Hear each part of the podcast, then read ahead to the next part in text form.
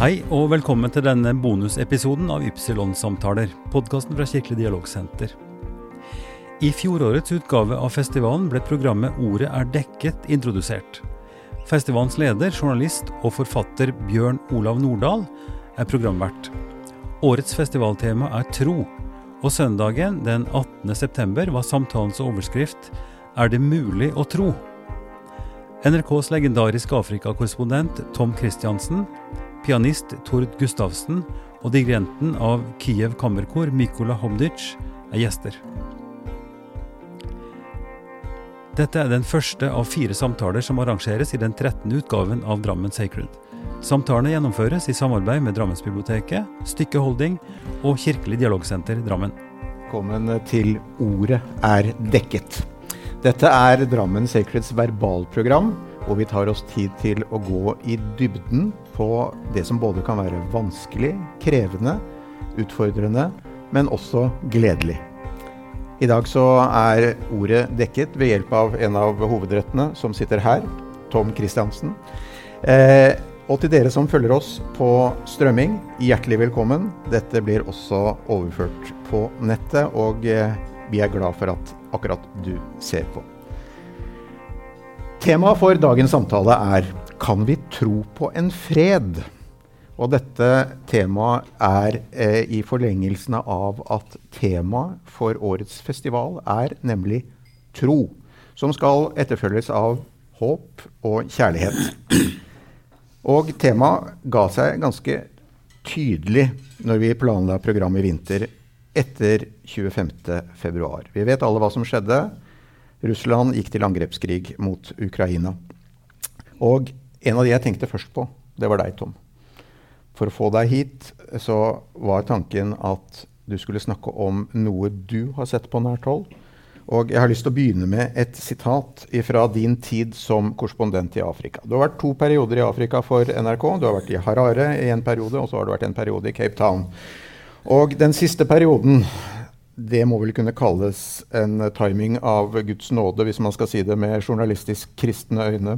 Eh, du fikk følge fredsprosessen etter at apartheid ble opphevet. Og Jeg tar med et sitat fra deg. Jeg har sett en forsoning som for oss er helt utenkelig. Tilgivelse, nåde. Det må da være grenser? Nei, det er faktisk ikke det, sier du. Har jeg sagt det? Ja, du har sagt det. Ja, det var det. Syns du det var bra? Jeg syns det var godt sagt. Ja. Men uh, utdyp. Jo, jeg har sett freden bli til. Og jeg har sett det så mange ganger at det var ikke bare en tilfeldighet. Da jeg kom til Afrika i 1990, så skjedde det noe samtidig som ikke hadde noe med det å gjøre. Berlinmuren falt. Den kalde krigen var over. Da stoppet alle krigene i Afrika. Fra 1990 til 1993-94. For det var ingen supermakter som lenger ville finansiere disse krigene afrikanske land imellom. Og da startet en forsoningsperiode i Afrika. Diktatorene ble borte. Det ble flerpartistyre i mer enn 50 afrikanske land. Og sistemann ut var Nelson Mandela. Bokstavelig talt ut? Bokstavelig talt ut av uh, fengselsporten. Med Vinni ved sin side og en knytta hånd som er liksom seierssignalet til ANC. Og det mangler jo en krig i Afrika. For det, det helt naturlige hadde vært at med så mange spenninger, så mye å hevne, så skulle det vært en krig i Sør-Afrika. Mm. Og hvor ble det av den? Ja, det lurer vi på. Altså, De hvite var forberedt. De hadde kjøpt våpen og ammunisjon. Når Mandela gikk ut av porten, hadde de kjellerne fulle av hermetikk. Så de skulle klare seg lenge. For de visste hva som kom til å skje. Nå kom altså de svarte til å storme over til de hvite områdene og rane dem og drepe dem. Og mange forberedte seg på å flytte fra Sør-Afrika. Men hva er det som er turning pointet her, som det heter på godt norsk? Hva er vendepunktet? Hva er det som skjer? det er han som kommer ut av porten. Nelson Mandela. For han har vært på i fengsel i 27 år. Og der har de på Robben Island og andre steder sittet og diskutert hva skal vi gjøre når vi kommer ut. Og de fleste var enige i at da er det vår tur. Da skal vi overta. Men, Og de som satt i fengsel på Robben Island, det var jo lederskapet. Altså de, da, da, da alt var over, så havna jo hele denne korridoren til Mandela Da havna jo regjeringen. Men det de diskuterte mellom de forskjellige politiske aktørene, det var Mandela sa. Nei, når vi kommer ut, skal vi styre Sør-Afrika sammen med de hvite. Det har vi lovet allerede fra 1955, hvor frihetsbrevet, som ble vedtatt i Soveto, der står det i første kapittel Sør-Afrika tilhører de som bor der, hvite og svarte. Det er det vi skal gjøre. Så dette var Du sier at uh, vendepunktet er én mann. Ja, det er en mann, men det er samtidig et folk som er vant til å tilgi. Som følger det signalet. Som følger lederen. Som står sammen med lederen. Det er ikke tid til fraksjoner nå. Nå, nå, skal, skal, vi én vei. Og han har altså da folket i ryggen. Det første han gjør, er å innsette Fredrik de Klerk som visepresident. Altså Det er han som har holdt han inne i fengsel i 27 år. Blir hans visepresident. Vi skal uh, Og geriljahæren til ANC den innlemmes nå i den vanlige hæren. Og de har brukt hele sitt liv på å drepe hverandre. Nå skal de altså forsvare landet sammen. Og Mandela reiser rundt i landet og besøker forretningsfolk og sier ikke stikk av nå. Ikke stikk av nå. Det er nå jeg trenger dere. Dere må bli her. Ja, men dere har jo sagt at dere skal nasjonalisere alt mulig og innføre kommunismen og alt mulig sånn. Ja, men sier Mandela det er så mange, det er så mange bokstaver i alfabetet, vet du. Det er ikke bare kommunisme og nasjonalisering. Sånn blir det ikke. Så bli. hvor de ble. Mm. Og så skal vi vende oppmerksomheten mot en av Jeg tror jeg kan bruke ordet kompisene dine. Desmond Tutu. Han var eh, på norgesbesøk sammen med datteren sin, eh, Mpo Tutu. Og de hadde skrevet en bok sammen som het 'Tilgivelse'. Fire steg mot fred med seg selv og freden i verden. Og så har jeg et sitat til deg fra Desmond Tutu. Og han snakker om fredsprosessen i Sør-Afrika. Den gang visste vi at den eneste måten å kunne redde landet vårt fra å bli fullstendig ødelagt, var å fortelle sannheten og forsone oss med historien. Og der lurer jeg litt på hva du tenker om sannhet. Sannhetskommisjonen. Oppgjør med det som hadde skjedd. Ja, for det var jo det som var selve knuten i forhandlingen om en ny grunnlov. Hva skulle skje med fortida? Skulle man tilgi 25 000 torturhandlinger og politiske drap? Skulle man bare la det fare? Altså, det jo, altså, landet var jo fullt av mennesker som ønsket hevn som hadde noe å hevne, som lurte på hvor ble det av mannen min eh, som døde? Hvem var det som drepte han? Og det faderløse som uh, lurte på det samme.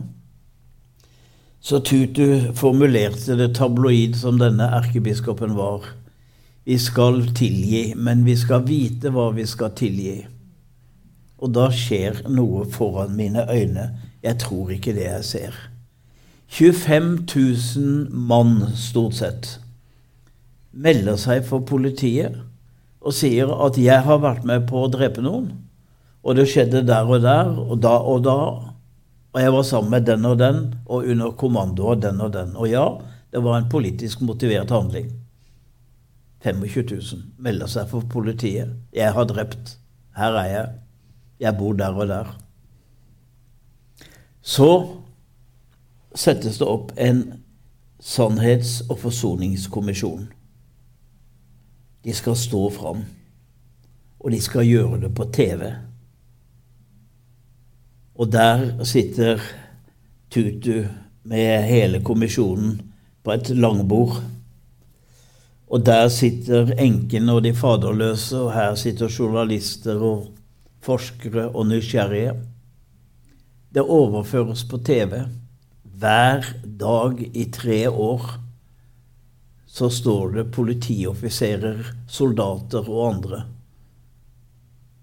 som forteller hva de har gjort, og forteller hvem de er.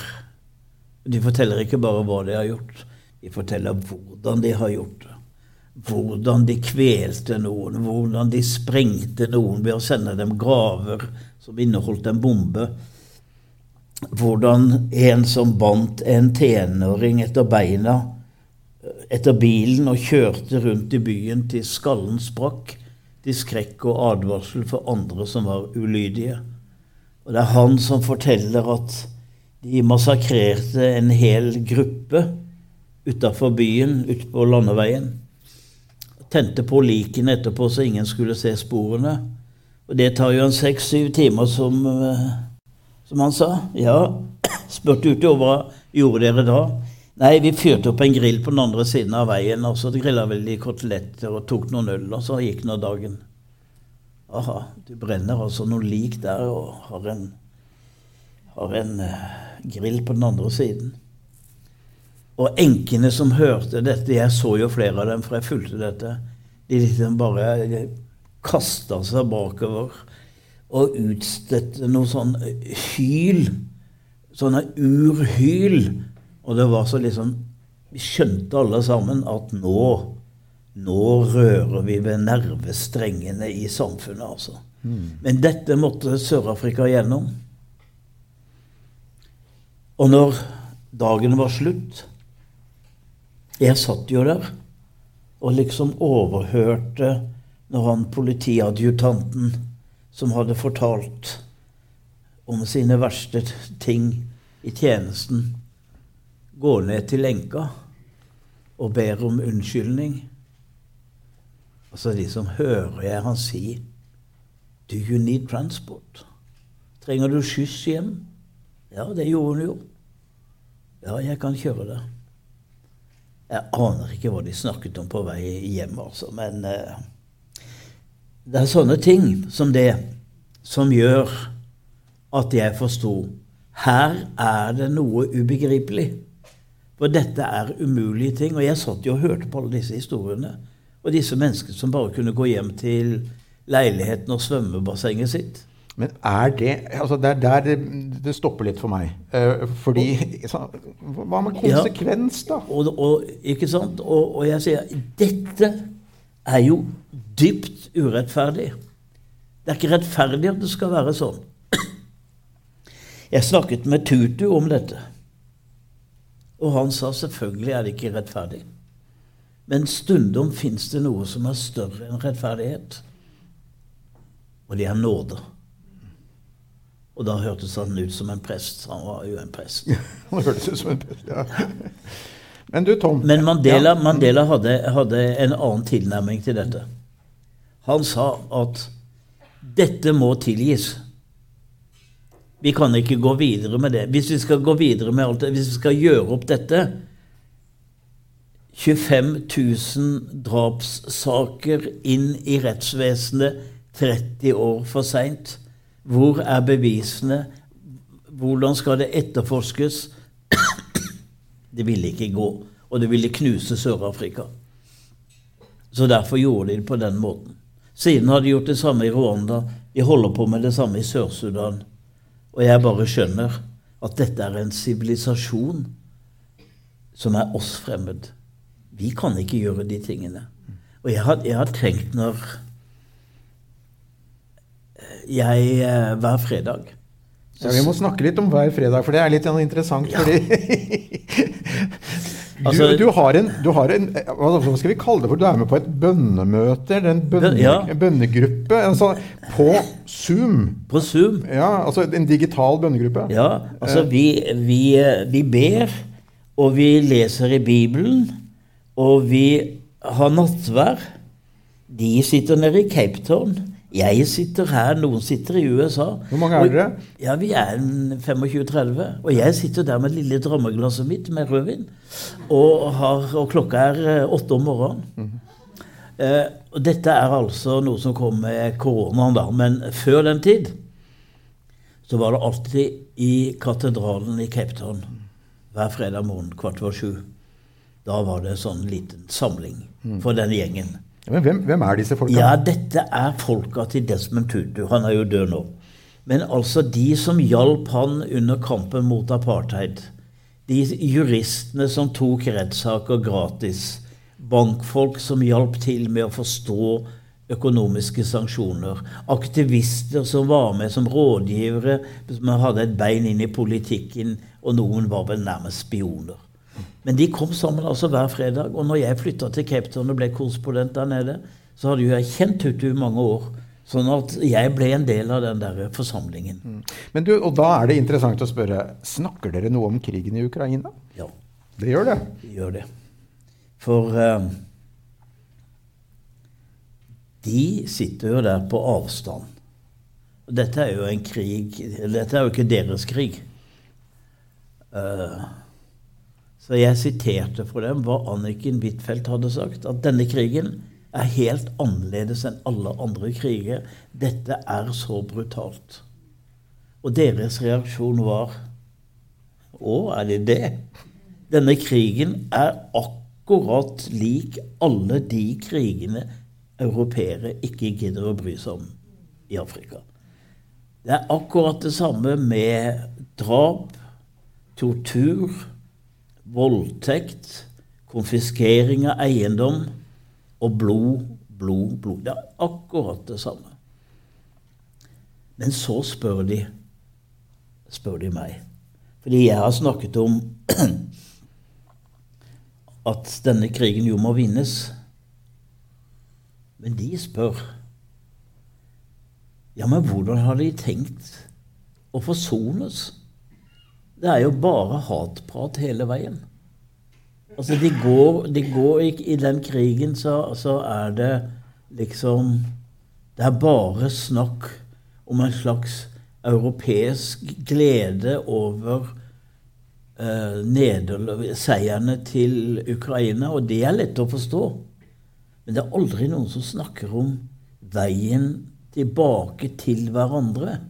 Hvordan har de tenkt å få til det? Spør de meg. Og jeg, jeg, jeg, har jo ingen svar. Jeg har jo ingen svar, for jeg veit at dette Dette vet de noe om. Og dette kan vi veldig, veldig lite om. For da, da, da det ble fred i Sør-Afrika, for det må vi nesten kalle det Det var ingen krig i Sør-Afrika, men det var store konflikter, uroligheter det var mye vold. Eh, og det var Townshipene fløt jo blodet, altså. Det er mange som ble drept, og, og, og alt dette. Og så var det akkurat det med Sør-Afrika at det er jo hudfargen der som var det som skilte. Det var svart, det var hvit, det var brune. Det var til og med indere det var kinesere. Altså alle var i Sør-Afrika. Og det var konflikt mellom de etniske gruppene. Kåsar og Zulu, Vendar, Svanar, Lesotho. Uh, og det er da erkebiskopen kommer med sitt forløsende ord og visjon, nemlig at alle disse forskjellene etniske grupper som lever forskjellig, mener forskjellig, tenker forskjellig. Hvit, svart, ulik etnisk bakgrunn. Fra ulike tradisjoner. Afrika, Europa osv. Dette har skapt konflikter mellom oss i alle år, sier Tutu. Men det er disse forskjellene som gjør oss til et spennende land. Dette er et rike, Sør-Afrika er et rike hvor vi har mange måter å gjøre tingene på, mange måter å tenke på, mange språk. Og alle disse forskjellene, det er farger i Guds regnbue. We are the rainbow people of God. Og det er siden blitt Sør-Afrikas fremste turistvaremerke, eh, nemlig regnbuelandet. Landet full av, full av vold fortsatt, men altså fredelig. Og er det noe vi kan lære, er det noe vi kan lære der. Og der har jo jeg tenkt at Ukraina og Russland, det er jo ett folk. Det er, de det er det eneste russere og ukrainere er enige om. Og så er de uenige om hvem som eier hvem. Men det er et folk. Etnisk nær hverandre. Samme kirke. De Styrken kan ligge i folkenes forbrødring. Tenk om folkene i Russland og Ukraina Nå er jeg langt inne i det ville. Om de hadde krevd, stått sammen og sagt til sine ledere stopp. Stopp Putin. Stopper du, så blir det slutt. Det får det jo ingen russer til å si. For de er jo hjernevasket. Russere vet jo ikke sitt eget beste. Russeres beste er jo forbrødring med folket i Ukraina. Jeg må, jeg må stoppe deg litt, Tom. Du kunne jo fortsatt å fortalt i det vide og det brede. Dette er jo ditt uh, spesialområde å fortelle disse historiene. Men jeg har lyst til å ta deg med til en TV-reportasje du lagde. Fra en liten landsbykirke i Rwanda en marsdag i 2005. Eh, hvor eh, Kirkens Nødhjelp hadde lyktes å få massemordere og ofre sammen for å snakke sammen og gjøre opp etter grusomhetene. Vi snakker altså om hutuer som har drept 500 til 1000 til en million uh, tutsier. ikke sant? Det er, ganske, det, det, er, det er, veldig heftige greier. En million drept på ja. 100 dager. Mm. Og så står det noe på kirkeveggen der. altså Hvis du hadde kjent deg selv og også kjent meg, så hadde du aldri drept meg. Og du sier at du begynte å gråte etter at du hadde vært til stede på dette møtet. Ja, fordi jeg hadde bedt om om jeg kunne treffe noen av enkene. Om jeg kunne treffe noen av de drapsmennene som var løslatt. Men jeg ante ikke at jeg skulle treffe dem sammen. Jeg kommer inn i en kirke som er murt opp med stråtak og klaska murvegger. Og der sitter det 80 mennesker. 40 menn på den ene siden og 40 kvinner på den andre siden. Det var sånn de gjorde det. Kvinner og menn. Og jeg spør presten der som står i ei uh, skjorte uh, Hvorfor har du ikke på deg presteskjorta? Nei, sier han at uh, det var noen her som drepte hele min familie.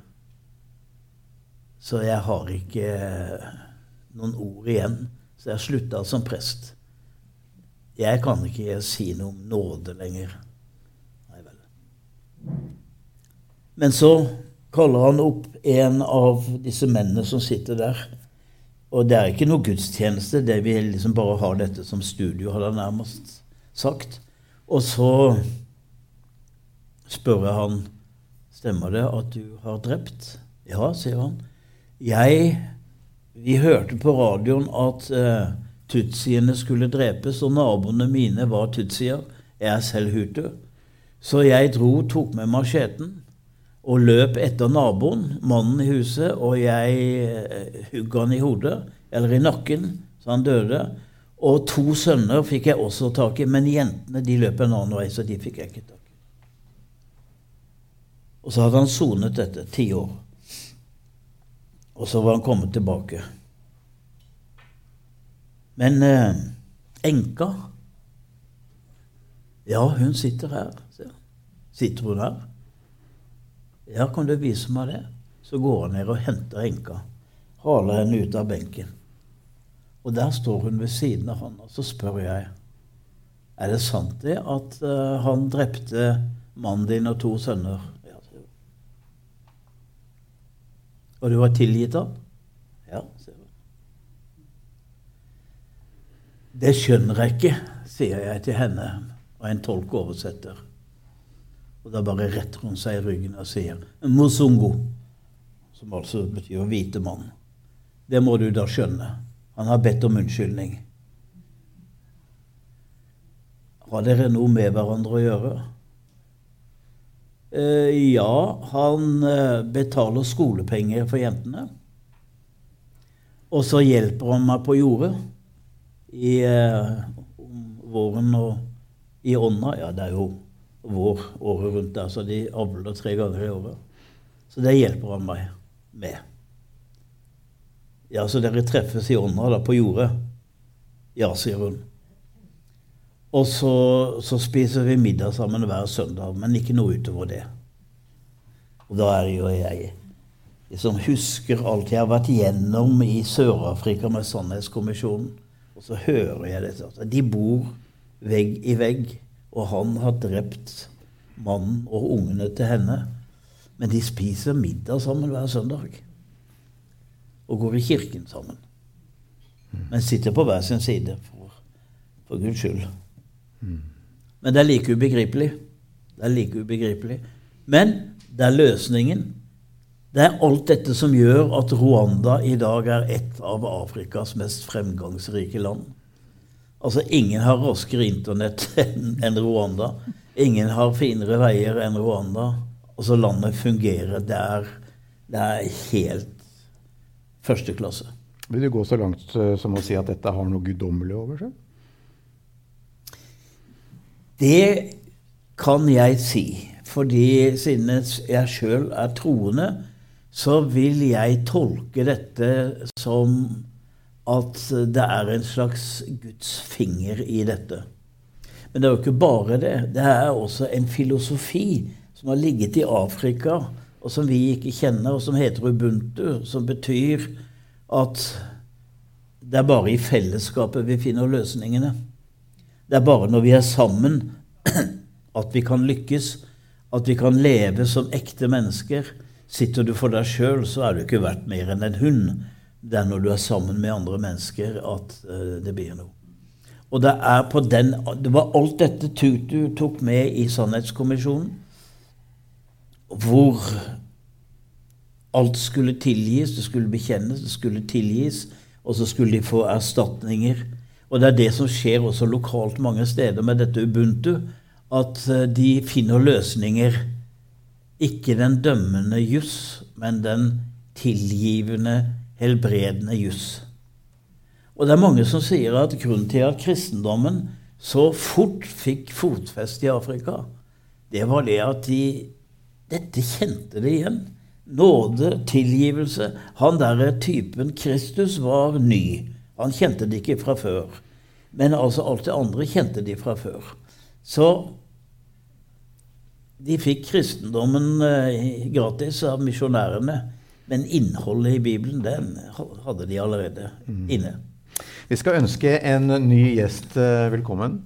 Tord Gustavsen. Vær så snill å komme og sette deg sammen med oss her oppe. Mange av dere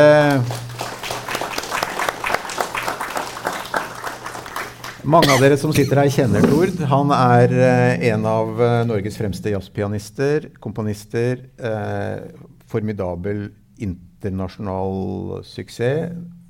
Ennå ikke lært seg helt å feste mikrofonen, men det, der satt den, gitt. og eh, er en av de få uh, norske jazzmusikerne som har toppa både VG-lista og vært langt oppe på Billboard-lista, så det, det, er mye å si om det. Tor, takk for at du kommer hit for å snakke, eh, og ikke nødvendigvis spille. Det får dere muligheter til, både de av dere som eh, har eh, mulighet til å ta tur innom Østerås kirke i Asker, hvor han er kantor, og, eller på en av konsertene hans. Men vi skal snakke om noe helt annet, Tord, og vi skal snakke om hva musikken kan gjøre for oss i en situasjon hvor det meste er svart, hvor det meste er mørkt, og hvor man kanskje, som du har beskrevet det, ligger i en krøll på gulvet. Eh, påsken 2003 så skjedde det noe i livet ditt. Kan du ta oss med tilbake til det som skjedde da? Ja, det føles jo på en måte som eh, som 20 år siden, og på en annen måte som i går. Er sterkt å gå inn i. Det var Jeg var på Kirkens Bymisjons korsvandring i Oslo, hvor jeg spilte en konsert. Og fikk jeg en telefon om at min bror var død, og hans baby var død, og mormoren vår var død. Drept av en uh, gal dame som kjørte i feil kjøreretning på motorveien. Og han var kommet rundt svingen akkurat da og ikke hadde hatt Hadde ingen sjanse. Eh, hun var i en en slags manisk rus, fikk vi vite etterpå. Eh, det visste vi ikke da.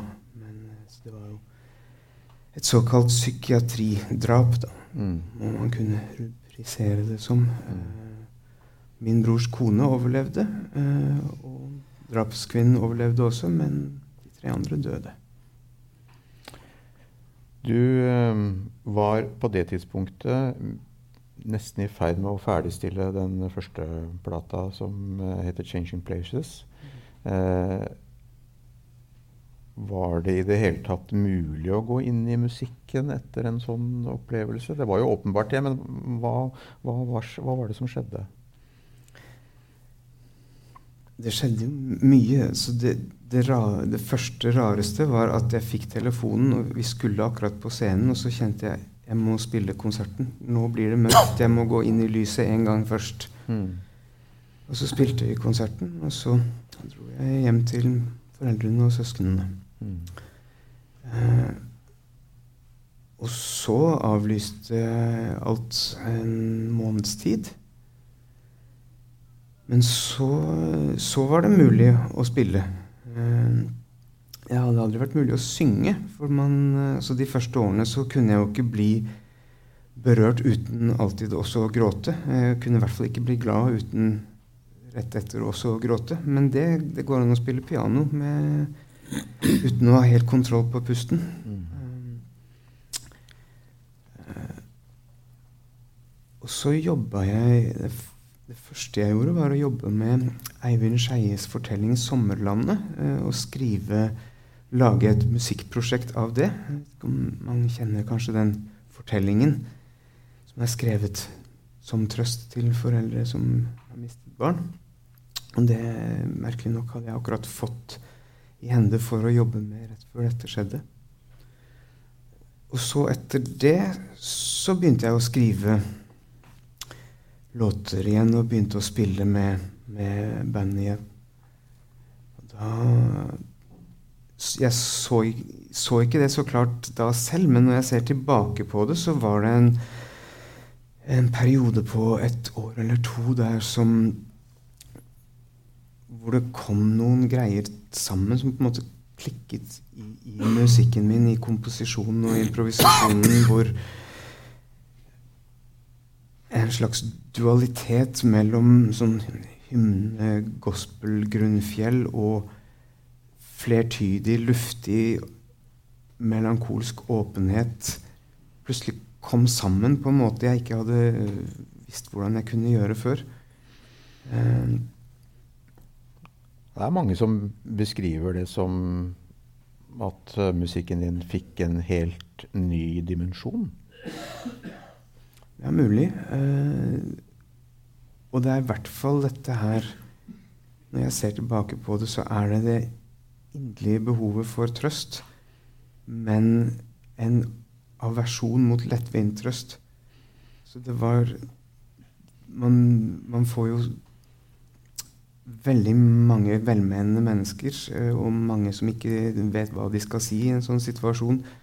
Og så er det noen som sier ja, det er motbakke det går oppover. Altså, altså, ting som du virkelig ikke vil høre. Mm.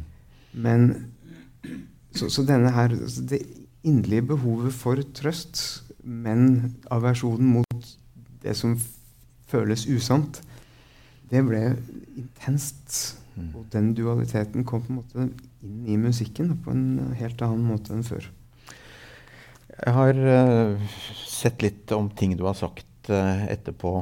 Uh, og du bygger Jeg vet ikke om det er et annet munnhell, men det er i hvert fall noe du har på en måte bitt deg fast i. Og det er at man kan ikke gå rundt sorgen, man må gå gjennom den. Hvordan opplevdes det? For meg var det helt, en helt fysisk følelse. Sorgen tar, tar overalt. Den tar forstanden, hjertet, den tar, den tar tak i livslysten, i seksualitetsdriften. Den, den kan korrumpere alt.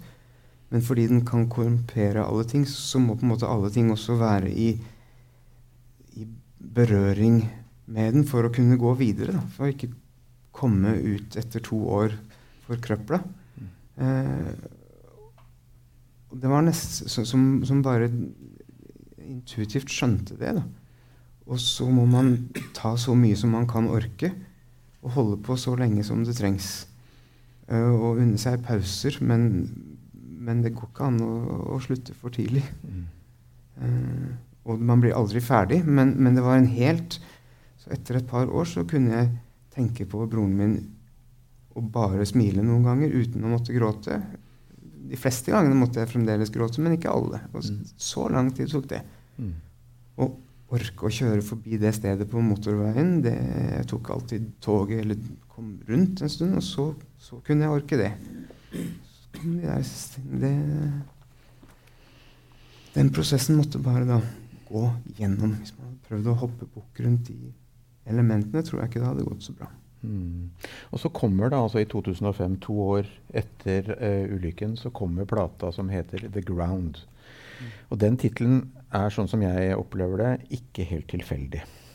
Uh, det handler noe om å finne et eller annet fast å stå på. Uh, kan du utdype for oss?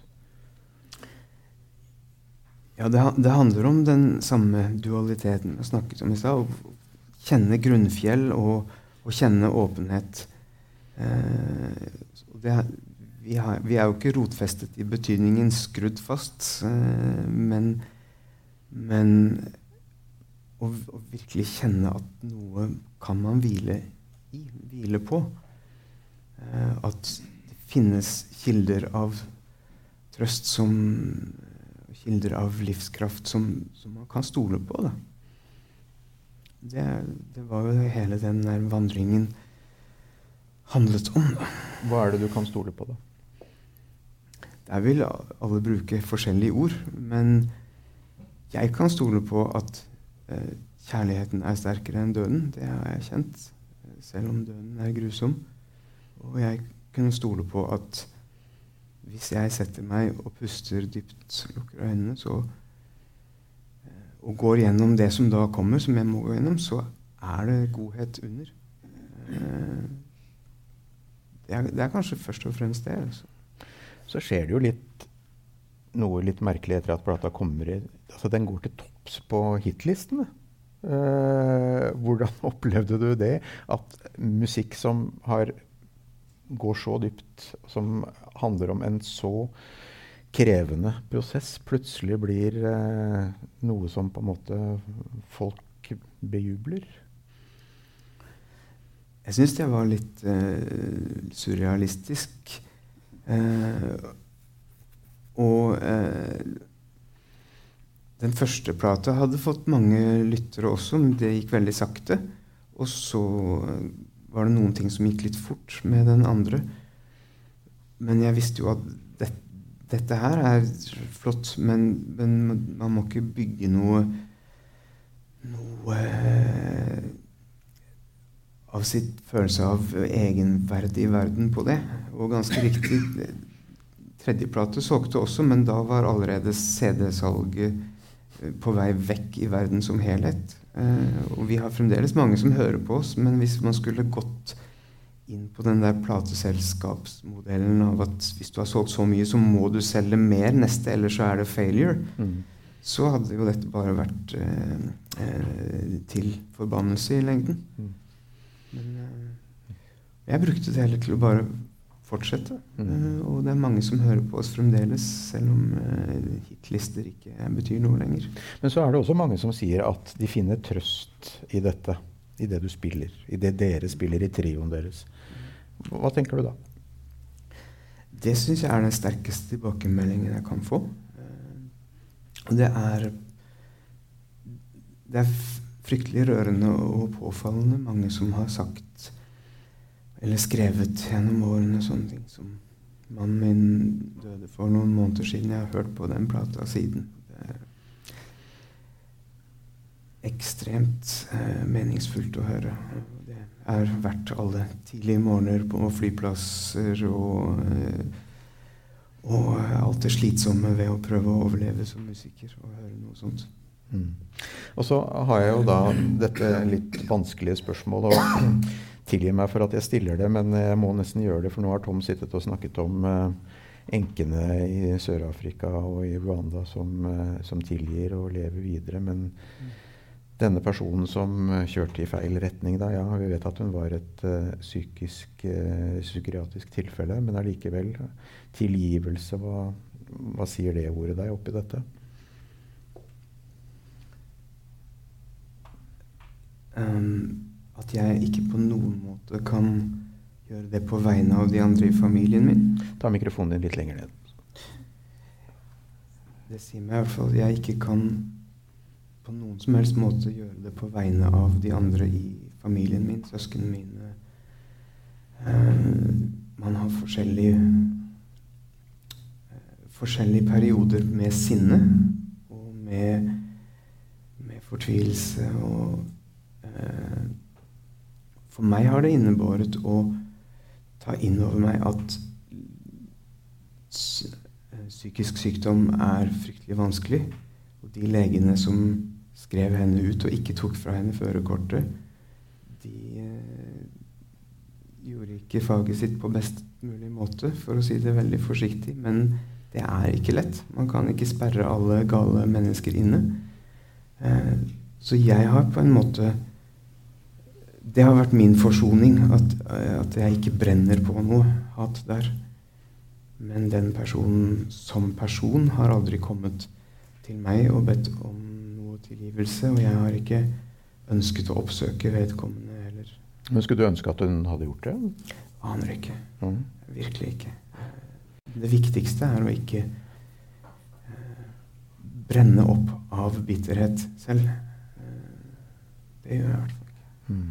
Tom, du har uh... Ja, det har jeg. Eh, jeg har vært borti det. Mennesker som ville ta hevn, ble selv ødelagt. Altså, de ble fulgt av så mye hat. Eh, måter å begå hevn på at det før eller siden ødela dem selv. Og det det er for mye forlangt at man skal tilgi mennesker. Det får vi overlate til Gud å gjøre. Men eh, å komme seg videre i livet er viktigere. Og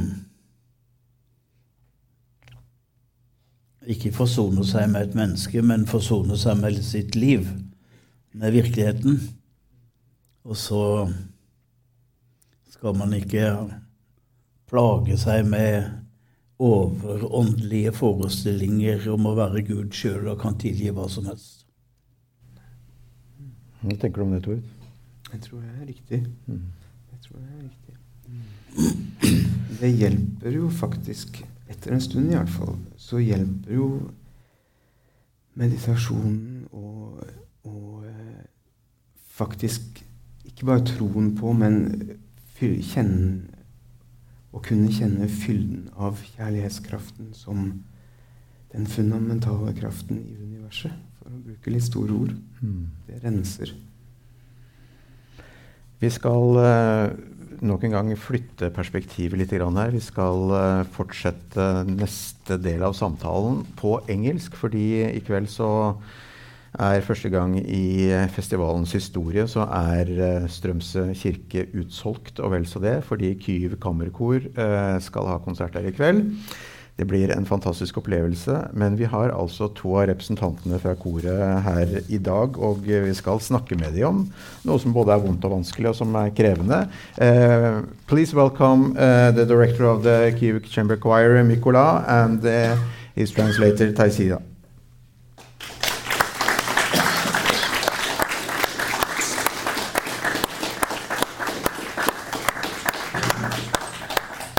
You can uh, sit over here, uh, Mikola. I think you can sit uh, close by uh, to it here, and you can use you can use the microphone there. You can share that one.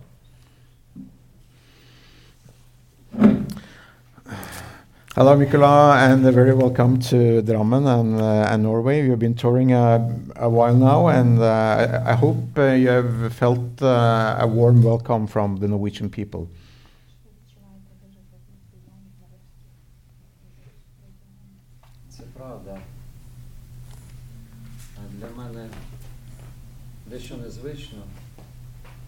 вперше в Норвегії.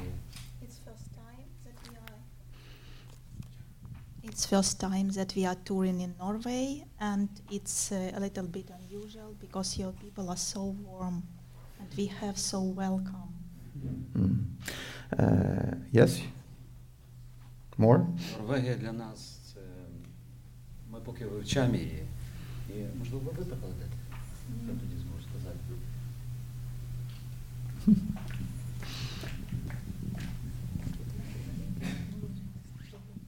Норвегія дійсно для нас нова країна, і ми в цій країні дали всього приблизно 15 чи 16 концертів.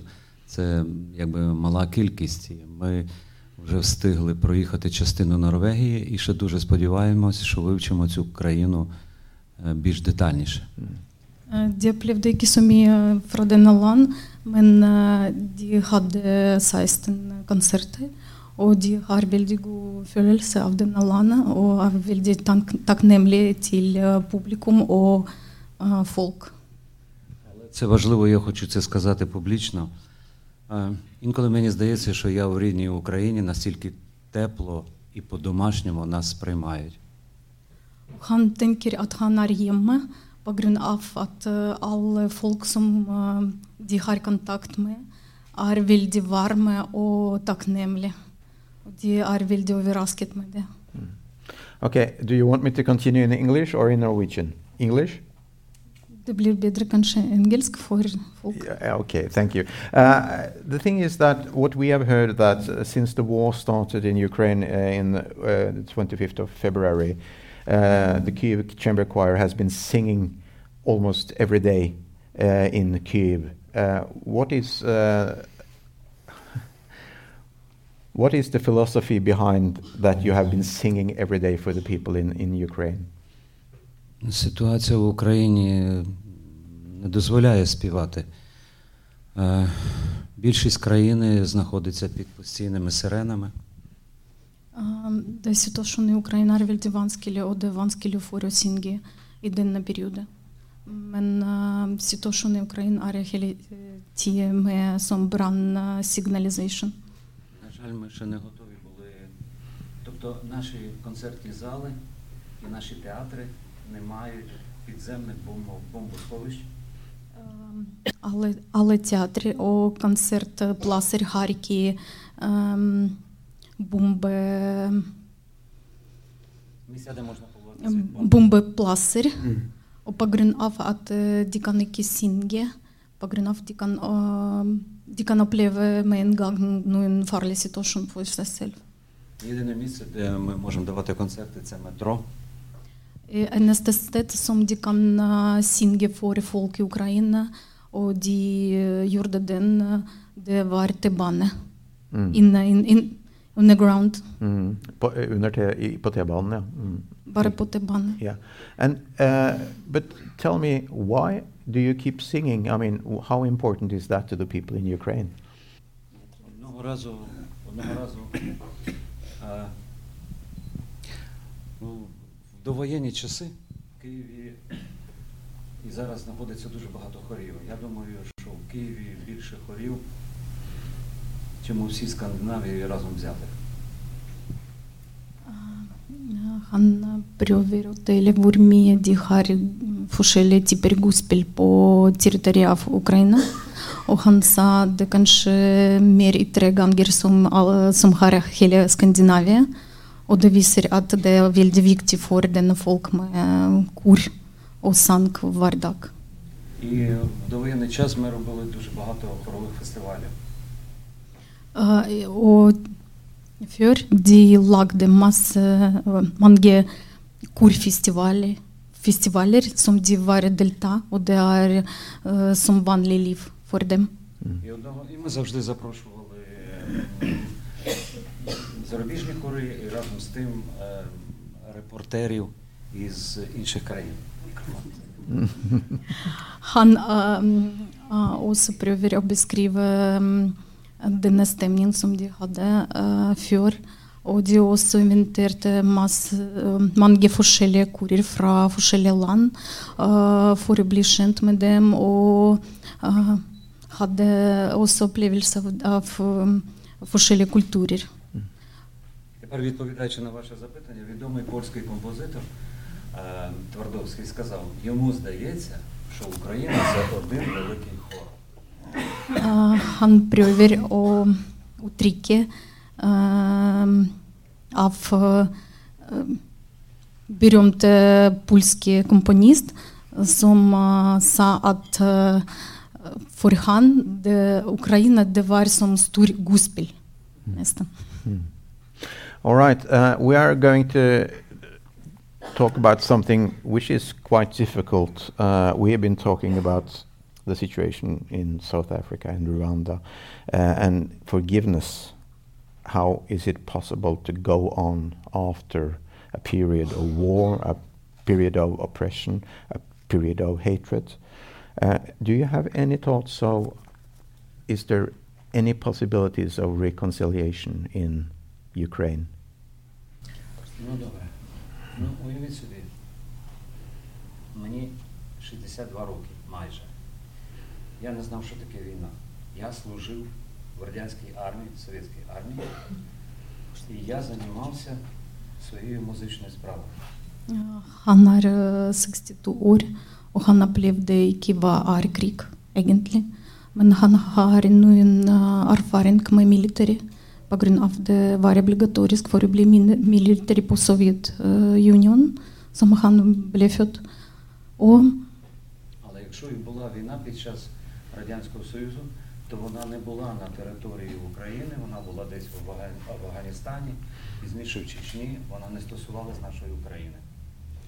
Уханна хар нуйно вірсікт крік от е, Совєтюнін вар інвольверт і Афганськ крік.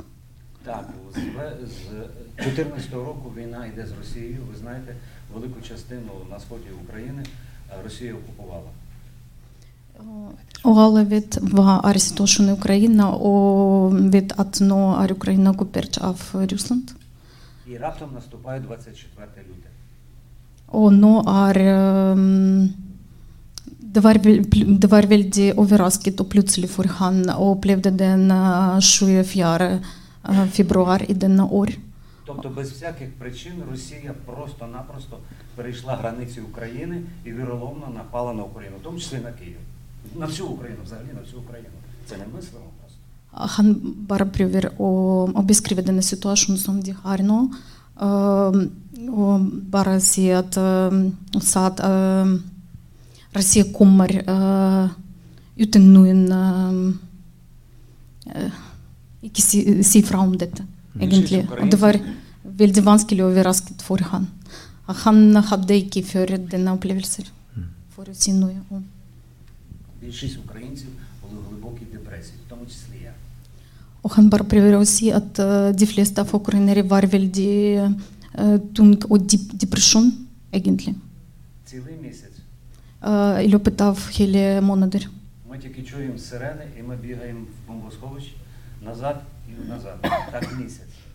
Og han hadde mm, at eh, de bare hører sirener, eh, f- og de bare løper fra bombe, s- bombehuser eller sånn. Og, og det var eh, livet nesten i løpet av denne måneden. Але дійсно, оця надія і моя особиста впевненість, що зло мусить бути покаране, що українці переможуть, завжди trimala нас в- на висоті. Og han har bare eh, stor håp at eh, denne situasjonen eh, som snur på andre måter. Og mm, han vet ikke hva han skal gjøre, men eh, han selvfølgelig kan lage mm, kunst, musikk, for å skape denne håp for eh, sin folk og, og sine slekt og alle som er nærme. І, звичайно, нам допомогла, мені допомогла, мені особисто допомогла. Це моя музична робота. Og det hjelper mye for han, eh, hans jobb, egentlig. Такий відомий всесвітній композитор Сільвестров. Він виїхав на четвертий день в Берлін, але перед тим сьогодні ввечері ви почуєте частини цієї композиції. Але він написав часткову музику, яку треба, яка була написана ескізами. Зможете перекласти? Сильвестров. Eh, Det er veldig berømte komponist fra Ukraina, Silvestrov. Og han eh, eh, har flukt, eh, på fjerde dagen av situasjonen som de hadde. Og han bor nå i Berlin. Men han uh, skrevet noen deler mus musikalsk poesi. Og i dag dere har mulighet for å oppleve den helt nye. Som å beskrive denne situasjonen som de føler nå, og har følt det i det siste.